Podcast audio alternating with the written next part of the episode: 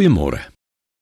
In hierdie week se fokus op die rolspelers in die Kersverhaal, kyk ons vandag na twee van die hoofrolspelers, Josef en Maria. Ek kan myself kwaliek indink watter spanning en swaar atmosfeer daar in Josef en Maria se groter familiekring moes geheers het. Vanaf die dag dat dit bekend geword het dat Maria oënskynlik buiteegtelik swanger is.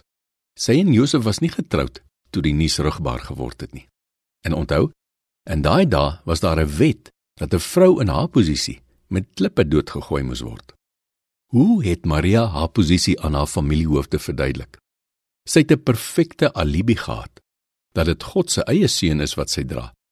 Maar kan jy nou indink wat sou die Jode met haar gedoen het as sy selfs net een keer gesê het dat sy die moeder van God se seun gaan word? Josef en Maria moes 'n paar uur voor die geboorte op 'n wildvreemde plek in die donker 'n plekkie probeer gereed kry vir haar kind se geboorte. Hulle moes sekerlik eers die ergste bees mis en ander vuil goed opruim. Hulle moes seker op 'n manier die voerbak waarin hulle die kind sou sit uitskrob. Hulle moes hout soek en vuur maak vir warm water. Daar was seker ook nog 'n klomp ander goed om te doen. Ek is ook oortuig daarvan dat Josef nog nooit voorheen in sy lewe 'n babatjie moes vang by geboorte nie. Maria moes die hele tyd self in beheer bly van alles wat tydens die geboorte gebeur het. Hoe op aarde het hulle twee alleen die kindjie lewendig deur die eerste nag of twee gekry? Hulle het letterlik niks gehad nie, behalwe God se genade natuurlik. Ek kan my nie indink dat of Josef of Maria tydens die verwarring en die stres en die ontbering van die geboorte enige idee kon gehad het van watter krities belangrike taak hulle besig was om vir God te verrig nie.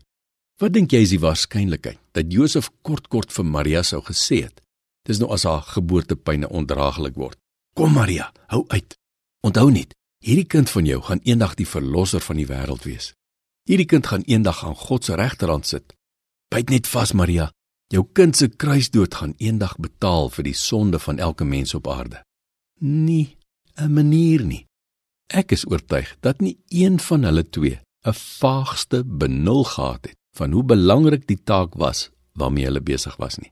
Hulle sou die volle impak daarvan eers 33 jaar later ten volle besef. Die Here het vandag vir jou ook 'n geweldige, belangrike en 'n verantwoordelike werk om te doen. Net soos Josef en Maria, die aand van hulle kindjie se geboorte, sien jy nou nog net nie die belangrikheid van jou Godgegewe taak raak nie. Is jy bereid om vandag gehoorsaam te wees aan die Here se opdrag vir jou? Al kos dit ook wat. Seën vir jou.